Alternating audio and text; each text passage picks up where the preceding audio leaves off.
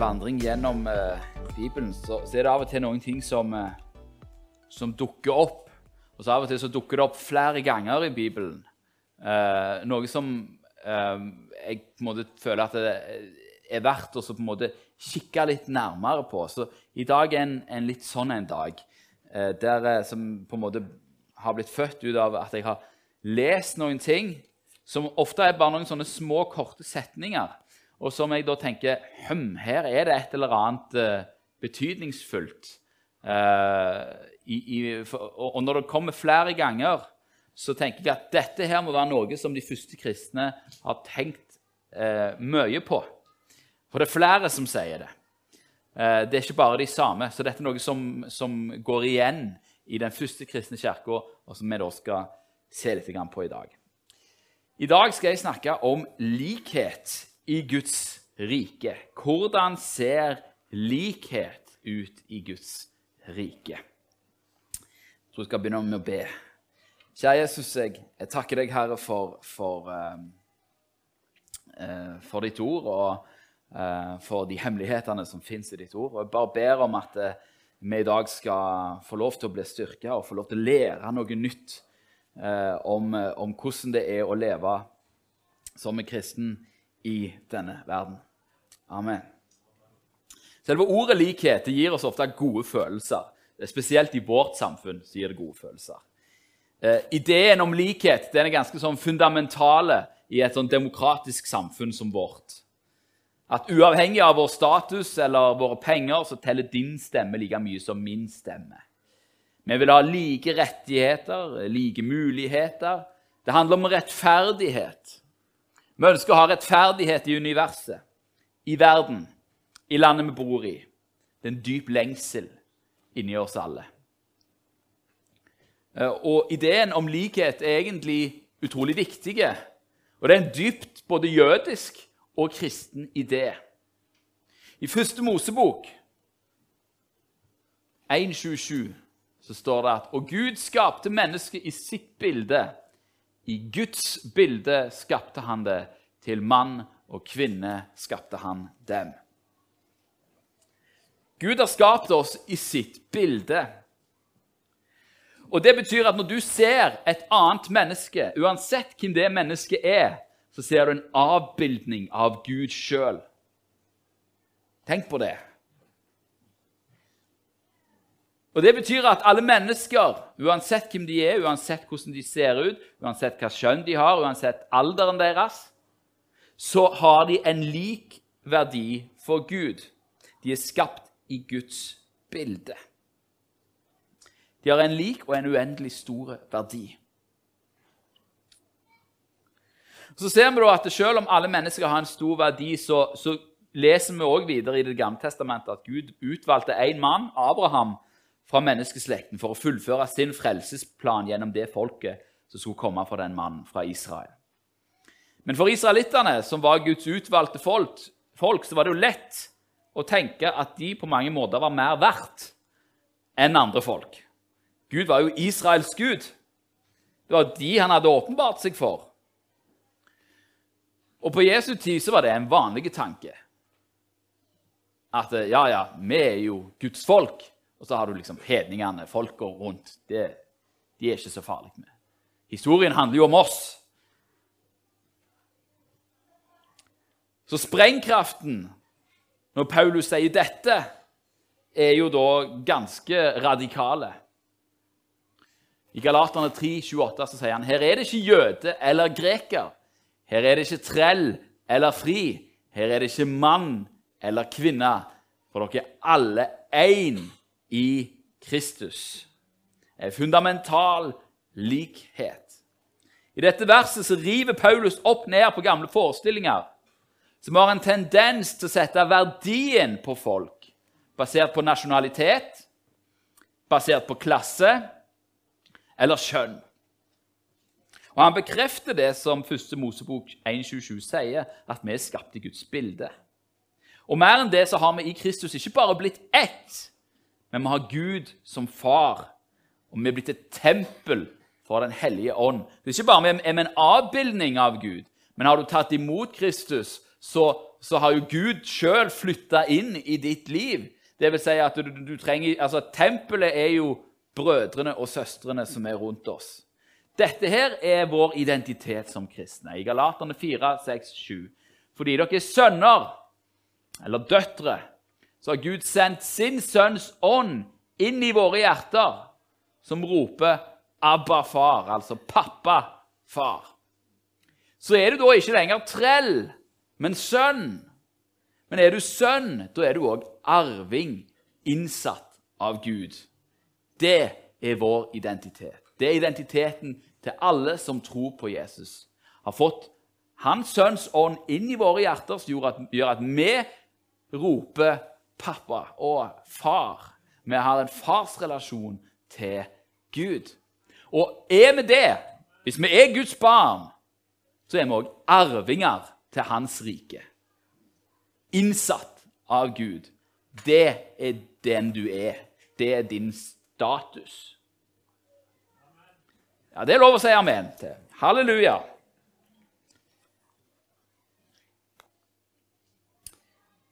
Vi er sønner og døtre av den allmektige Gud.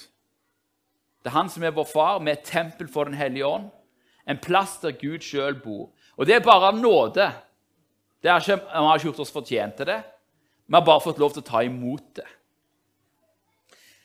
Og du er det like mye som jeg er det. Det er ingen forskjell. Selv om jeg står her og forsyner Guds ord, så er ikke jeg mer verdt enn deg. Eh, jeg har ikke en, en større arv enn deg. Jeg har den samme arven som deg. Og det er å få lov til å være et Guds barn. Det er ingen forskjell. Vi står alle egentlig urettferdige for Gud, men vi blir frelst av Hans nåde. Amen. Men selv om vi er like i, i, eh, i status innenfor Gud I Guds rike så er vi alle like. Vi er brødre og søstre. Vi er like. Vi har fått det samme. Så er det jo ikke sånn i denne verden. Da er vi jo ikke like.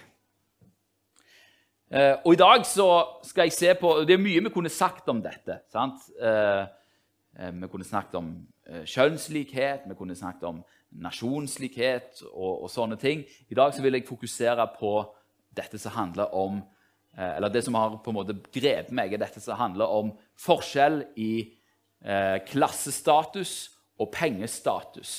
For der er vi ikke like. Noen er født i velstående familier. Andre er født i fattige familier. Noen er, noen er, født i land der man har mye, andre er født i land der man har mindre. Noen har eh, fått anledning til å ta utdannelse, andre har ikke det. Vi tilhører forskjellige familiekulturer. Vi har fått med oss en bagasje. Vi har fått med oss forskjellige evner. Vi hører, tilhører kanskje forskjellige klasser òg. Så hvordan skal vi da leve som kristne? Hvordan skal, hvordan, hvordan skal, vi forholde oss til det at vi i verden er ulike, men i Kristus er like? Hvordan ser det ut? Det er det vi skal utforske litt i dag. Når jeg begynte å tenke på disse tingene, så, så tenkte jeg jo at eh, siden vi er ett i Kristus, så burde, så burde vi jo kjempe for at det som er sant i den åndelige verden, òg skal være sant i den fysiske verden. Eh, at vi får et samfunn der vi ikke er for, uten forskjeller, der alle er like.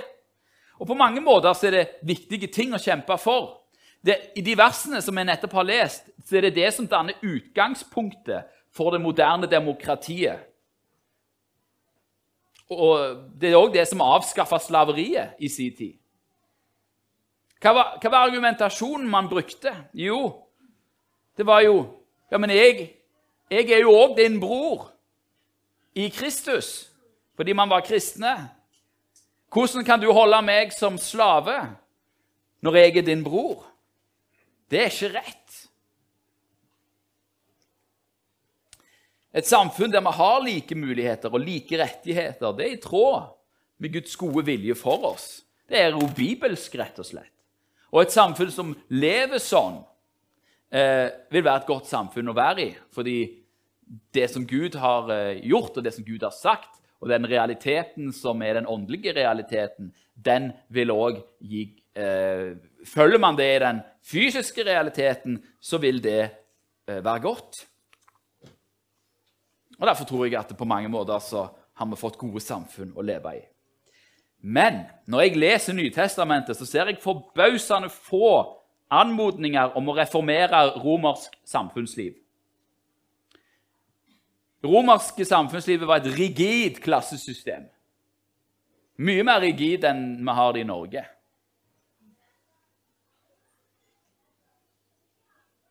Og det var et samfunn der hele økonomien var bygd på slaver. På slaver. Det var, det var ca. Nå, nå, tar jeg et litt tall ut av lufta her, men jeg tror det var kanskje så mye som en tredjedel av innbyggerne i Romerriket var slaver. Enorme mengder med slaver. Og ingen plass så snakker Paulus om at eh, romersk samfunnsliv må forandres. Man må avskaffe slavesystemet, man må eh, utjevne forskjellene i samfunnet. Hvorfor står det så lite om dette? Vel, svaret på det, at det, det, det korte svaret er at de første kristne de forsto noen ting som vi òg må forstå. Og det er det at det livet vi lever her på jorda, det er veldig kort. Ja, vi lever lengre, men det er fremdeles kort. Og selv om Romerriket ble aldri, ble aldri så reformert, så ville ikke Romerriket bestå til evig tid.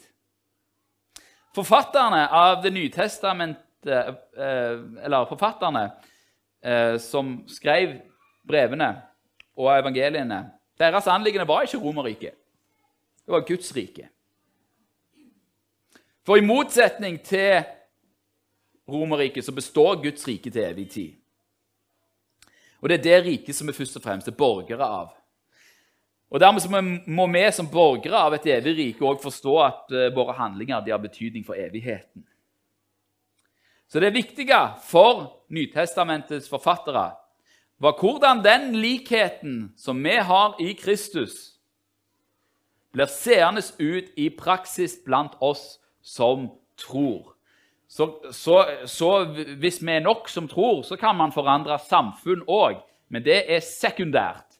Primært hvordan forholder vi oss som tror, til hverandres ulikhet når vi er like i Kristus? Hvordan skal man forholde seg til sin egen trelldom? For det var aktuelt i den tida. Eller fattigdom. Eller rikdom. La oss hoppe rett i det og begynne med Jakob. Han er den som på en måte, han slår ofte hardt. Er, dette er da Jakob, Jesus sin bror. Jakob 2, 1-9. Mine brødre, dere som tror på vår Herre Jesus Kristus, herlighetens Herre, må ikke samtidig gjøre forskjell på folk. Sett nå at det kommer inn i forsamlingen en mann med gullring på fingeren og i praktfulle klær og at det også kommer inn en fattig mann i skitne klær. Og så ser dere på ham i de praktfulle klærne og sier til ham, 'Sett deg her på en god plass.' Men til den fattige, 'Du kan stå der.' Eller 'Sett deg her ved fotskammelen min.' Gjør dere ikke da forskjell blant dere selv? Er dere ikke da blitt dommere med onde tanker? Hør, mine kjære brødre. Har ikke Gud utvalgt dem som er fattige i denne verden, til å være rike i troen og arvinger til det rike han har lovt dem som elsker ham? Men dere har vanæret den fattige. Er det ikke de rike som undertrykker dere, og er det ikke de som drar dere for domstolene? Er det ikke de som spotter det gode navnet som er nevnt over dere? Men dersom dere oppfyller den kongelige lov etter Skriften, du skal elske din neste som deg selv, da gjør dere vel. Men dersom dere gjør forskjell på folk, da gjør dere synd, og loven anklager dere som lovbrytere. Vi ser her at eh, Og dette er et praktisk eksempel. Det kommer inn en kjent person eller en person i, som har eh, rikdom og kommer i fine bil, og så sier man du, du kan komme her og sitte her. Og Så kommer det inn en som kommer rett ifra gata. Ja, du, du får ståplass. Eller kanskje du kan sitte på gulvet. Eller gjemt bak i kroken. Som ikke trenger å se på deg. Det, sånn kan vi ikke ha det. Det sier Jakob. Nei, da gjør vi synd. Fordi i Kristus så er vi alle like. Det er ikke klærne som definerer din verdi. Det er ikke hvor godt du lukter, som definerer din verdi. For å gjøre et poeng av det, så burde jeg kanskje stilt opp her i arbeidsklær i dag, bare sånn for å illustrere forskjellen. Men vet du hva? Vår verdi den kommer av hvem Gud er, og hva han har sagt at vi er. Vår verdi kommer av at han har skapt oss i sitt bilde, og så har han dødd for oss. Det er hvor mye vi er verdt. Og det handler ikke om utseende. Det handler ikke om klær. Det handler ikke om status. Det handler ikke om penger. Vi er alle like. Vi skal behandles som likemenn, ikke etter klasseforskjeller i denne verden. Den som sitter i skitne klær og som lukter vondt, han er kongelig. Han er barn av kongenes konge. Hvis dette er sant, så må vi leve som om det er sant.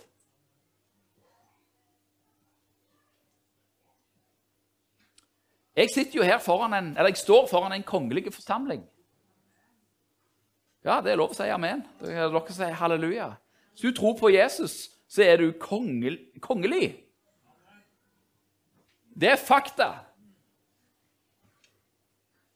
Jeg har, jeg har, ofte lekt med den tanken. Hva hvis jeg kommer fram til, til, til kronprinsen eller et eller annet og får snakke med dem? Liksom, så kan jeg si ja, jeg, jeg vet hvordan du føler det. Jeg er òg barn av en konge.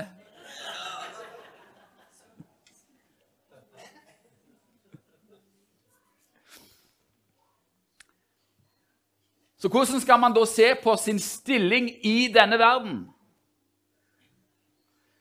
Der, det er der på en måte, det er her det kommer noen tips som har fått meg til å tenke. Det er Jakob igjen. Dette Før han sier dette, så sier han da Jakob 1, 9-10. Den ringe bror, altså den fattige bror, skal rose seg av sin høyhet, men den rike av sin ringhet, altså av sin fattigdom. For han skal få gå som blomsten på gresset. Dette her er et spørsmål om innstilling. Den fattige og den undertrykte skal si 'Jeg er barn av kongenes konge'. Min verdighet er gitt meg av min far i himmelen. Jeg har alt. Han som ingenting har, skal si, 'Jeg har alt'. For det er sant, fordi du har alt i Kristus. Han har alt. Han har gitt deg alt. Hva da med den som er rik? Hva skal han si? Han skal si, 'Jeg er ingenting'. Jeg er fattig, naken og elendig. Ingenting av det jeg har, skal følge med meg. Det eneste jeg har, er Kristus. Det skal være den rike manns innstilling. Fordi det er sant. For alt det du har, kommer til å forsvinne. Du får ikke ta det med deg. Og ser du at hvis, hvis den som er her, sier 'jeg har alt', og den som er her, sier 'jeg har ingenting', så blir det likhet. På den måten kan vi være like. Fordi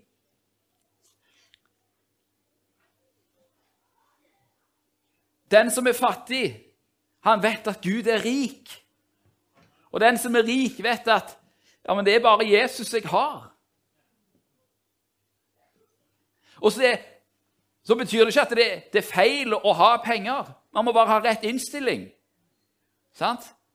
Dette her er jo og, og, når du vet at dette her er jo bare da kan vi òg like greit gi det vekk. Og det sier òg Bibelen at vi skal gjøre. Ja, gi det vekk.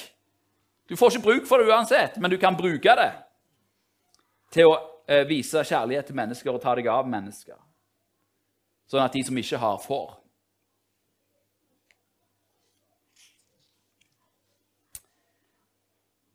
Matteus 20 eh, han sier òg noe om dette.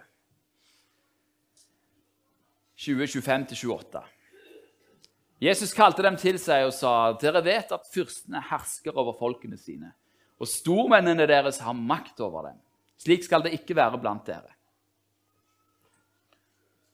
Det skal ikke være sånn at den med status skal herske over de som ikke har status. Den som vil være stor blant dere, skal være de andres tjener. Og den som vil være den første blant dere, skal være de andres trell. Like som menneskesønnen ikke er kommet for å la seg tjene, men for sjøl å tjene og gi sitt liv i løsepenge, til en løsepenge i mange sted. Når menneskesønnen, han som er Guds enbårne sønn, den første sønnen, den førstefødte Når han, som er på en måte kongen av alt, ble en tjener kom som en tjener, og han døde en slave og en opprørers død på korset. Da sier det seg sjøl at eh, du skal ikke se ned på slaver eller tjenere. Eller du skal ikke se ned på deg sjøl heller om du befinner deg på, på bunnen av samfunnet. Nei, du kan takke Gud for din høye stilling. Efeserbrevet 5, eh, nei, 6, vers 5-9. Her eh, står det om forholdet mellom tjenere og, eh, og herrer. Dette kan være nesten litt sånn Er du slave, så må du jo selvfølgelig gjøre opprør. For det er jo, det er jo urettmessig at du er det. Men eh, vi trenger ikke tenke dette her som slaver og herrer. Vi kan tenke det som, eh, som eh, arbeider og sjef. Dere tjenere Vær lydige mot deres jordiske herrer med respekt og aktelse av et oppriktig hjerte, som mot Kristus selv. Vær ikke øyentjenere som bare vil gjøre mennesker til laks, men som Kristi tjenere, så dere gjør Guds vilje av hjertet. Gjør deres tjeneste med et villig sinn, som for Herren og ikke for mennesker. For dere vet at det gode som enhver gjør, det skal han få igjen av Herren, enten han er trell eller fri.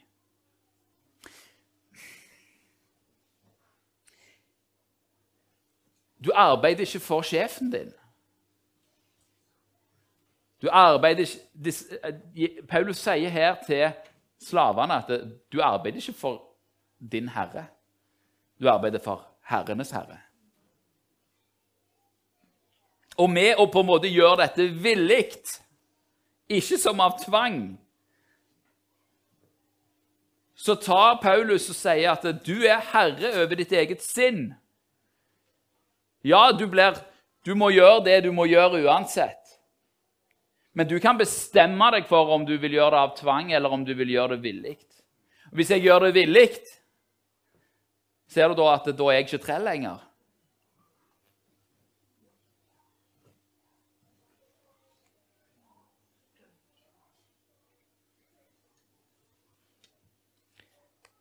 Han sier til trellene at de skal De skal De skal,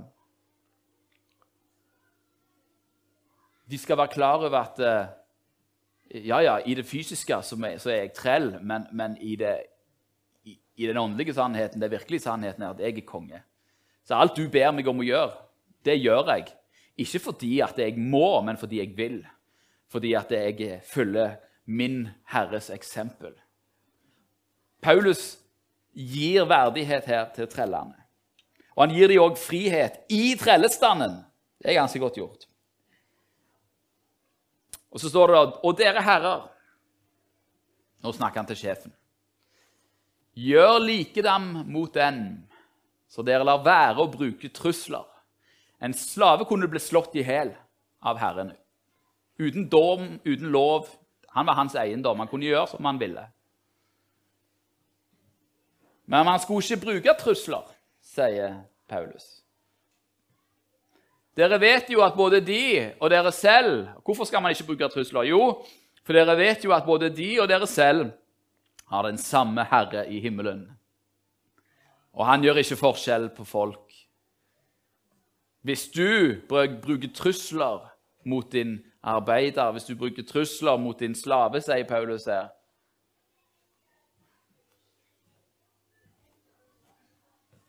Hva tror du Gud da vil gjøre mot deg?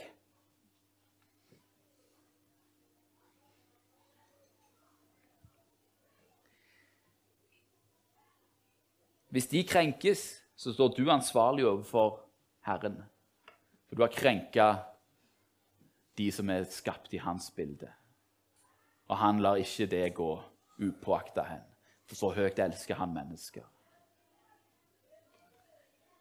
Første Korinterbrevet 7, 17-23 står det at likevel må eh, enhver vandre slik som Herren har gitt ham, som han var da Herren kalte ham.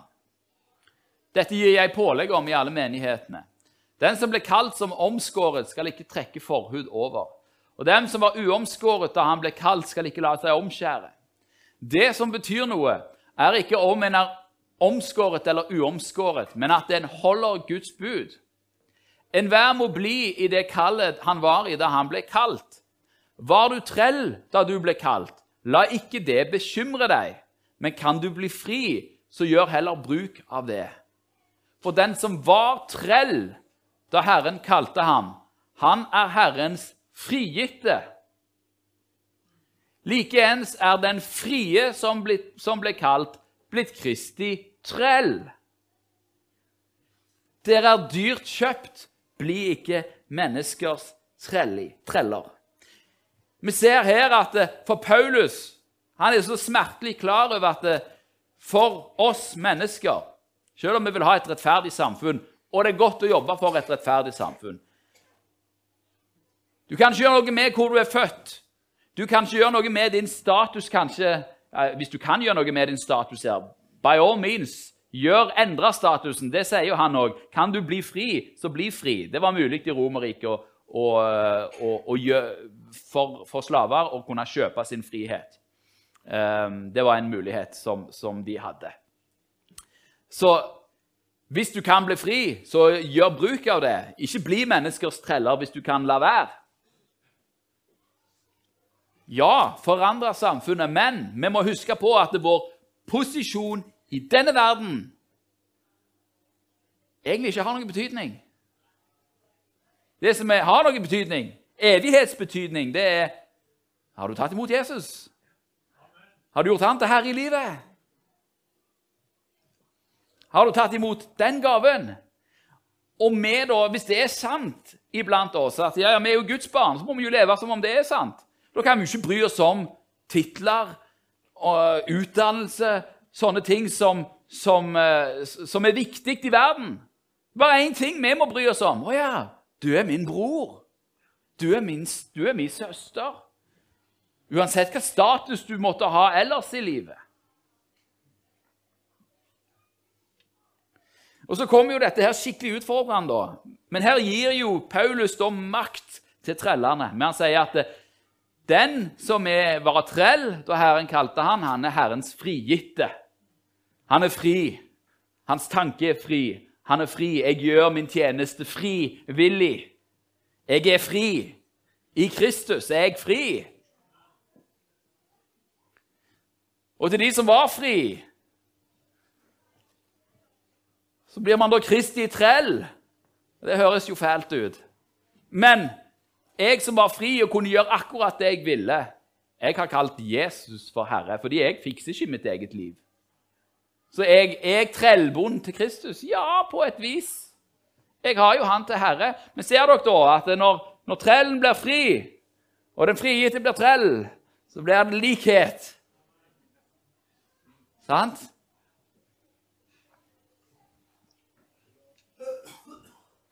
Det kan jeg òg si. at Til høyere opp i samfunnet du kommer, til mindre fri, fri blir du.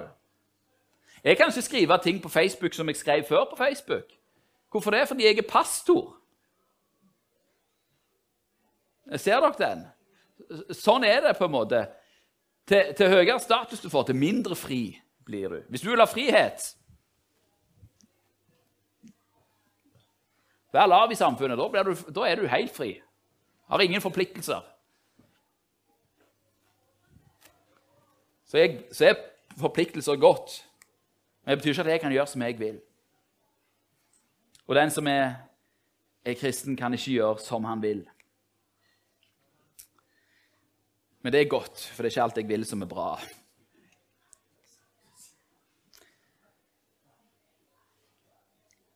Brevet til Filemon eh, er en interessant historie. Eh, det handler nettopp om en slave og en herre. Um, det er det eh, Paulus skriver brevet til Filemon, eh, og han skriver det av én årsak. Det er fordi det har vært en trell som heter Onesimus, som har rømt fra Filemon til Paulus. Og mens han har vært der, så har han tatt imot Jesus som sin frelser og herre. Eh, og nå sender Paulus han tilbake til Filemon. Så skal vi høre litt hva han sier til Filemon.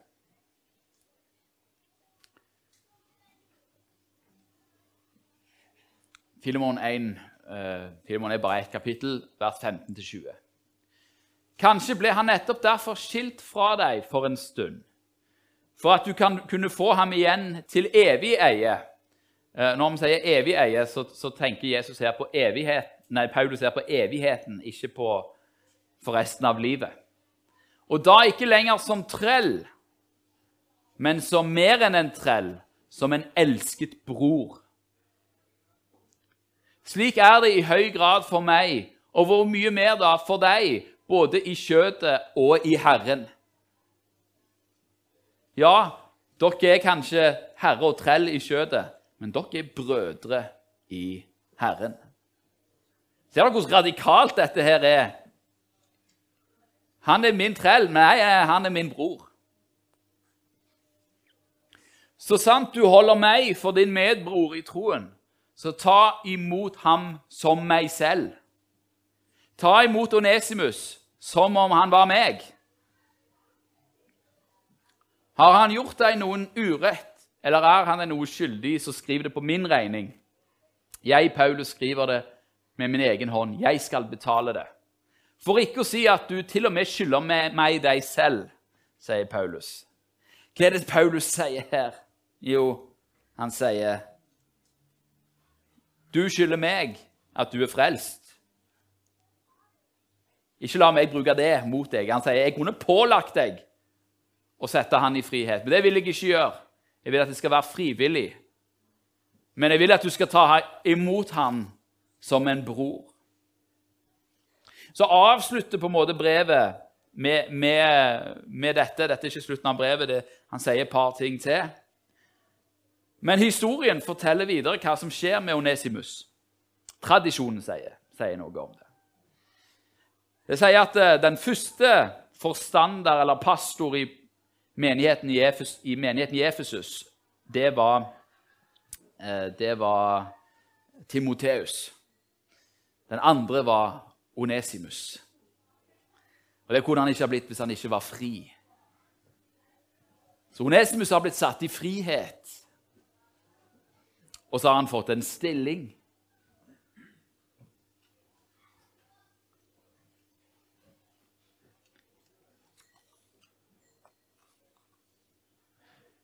Hva var det som da førte til denne friheten? Jo, han kunne ikke holde en trell lenger fordi han var bror.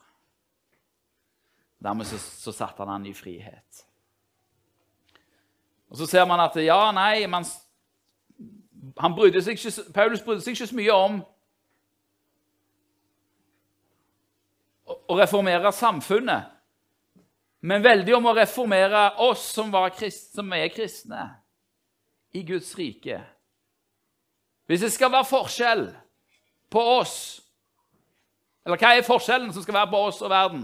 Jo, det er at vi skal elske hverandre på tvers av nasjonalitet, på tvers av klasser, på tvers av kjønn. Så skal vi være ett. Vi skal behandle hverandre med respekt og verdighet. Det er Guds vilje for oss. Fordi vi er ett.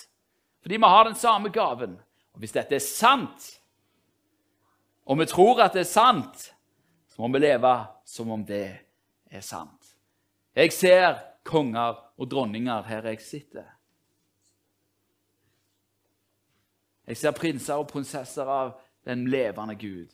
Jeg ser en stor eh, Johan sa her at det er slektstreff. Ja, det er ikke bare slektstreff. Det er kongetreff.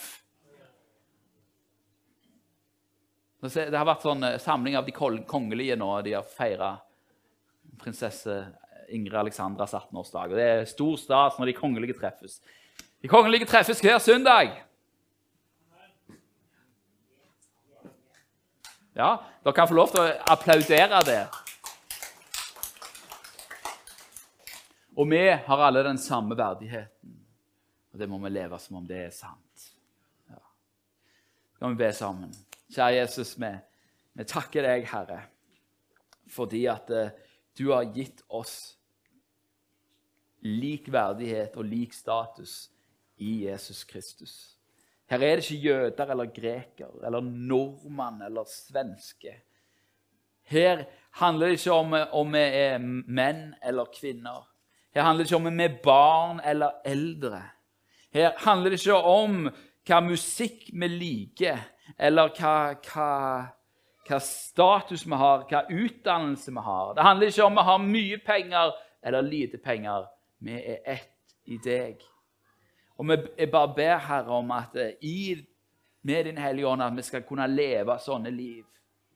Og så må du minne oss på hvis vi ikke lever sånne liv, hvis vi gjør forskjell. For vi er jo mennesker, og vi er jo oppvokst i en kultur, og av og til så tar vi også vår kultur med inn i menigheten. Men la vår menighet og la vår kirke være preget av sannheten, som er at vi er like innenfor deg. Og det er ikke fortjent, det er bare nåde. Takker deg, Jesus, for at eh, du har satt så stor verdi på oss. Jeg takker deg for alle her som er så høyt elska og så mye verdt, som har en kongelig tittel. Jeg bare ber om at vi skal kunne se det. Jeg ber deg for de som opplever at de er nederst på rangstigen, at de skal kunne ta til seg at nei, deres verdighet er høy. Og Så ber jeg om at de som er, som er høye på rangstigen, og som blir sett opp til i samfunnet, og som har mye penger, og som har høy utdannelse og mye status, at de skal kunne si det eneste jeg har, er Jesus. Alt det andre skal forsvinne. Det eneste jeg har, er Jesus. Må du hjelpe oss å leve med denne innstillingen. Må du hjelpe oss å leve i tråd med sannheten, for det er det som er sant. Vi er ikke definert ut av hvor vi kommer fra. Vi er ikke definert ut av hvor vi er. Vi er definert ut av det, ut fra hva du har gjort, Jesus, og hvem du er. Og Det takker jeg for at vi har fått lov å ta imot. I Jesu Kristi Nasareerens navn. Amen.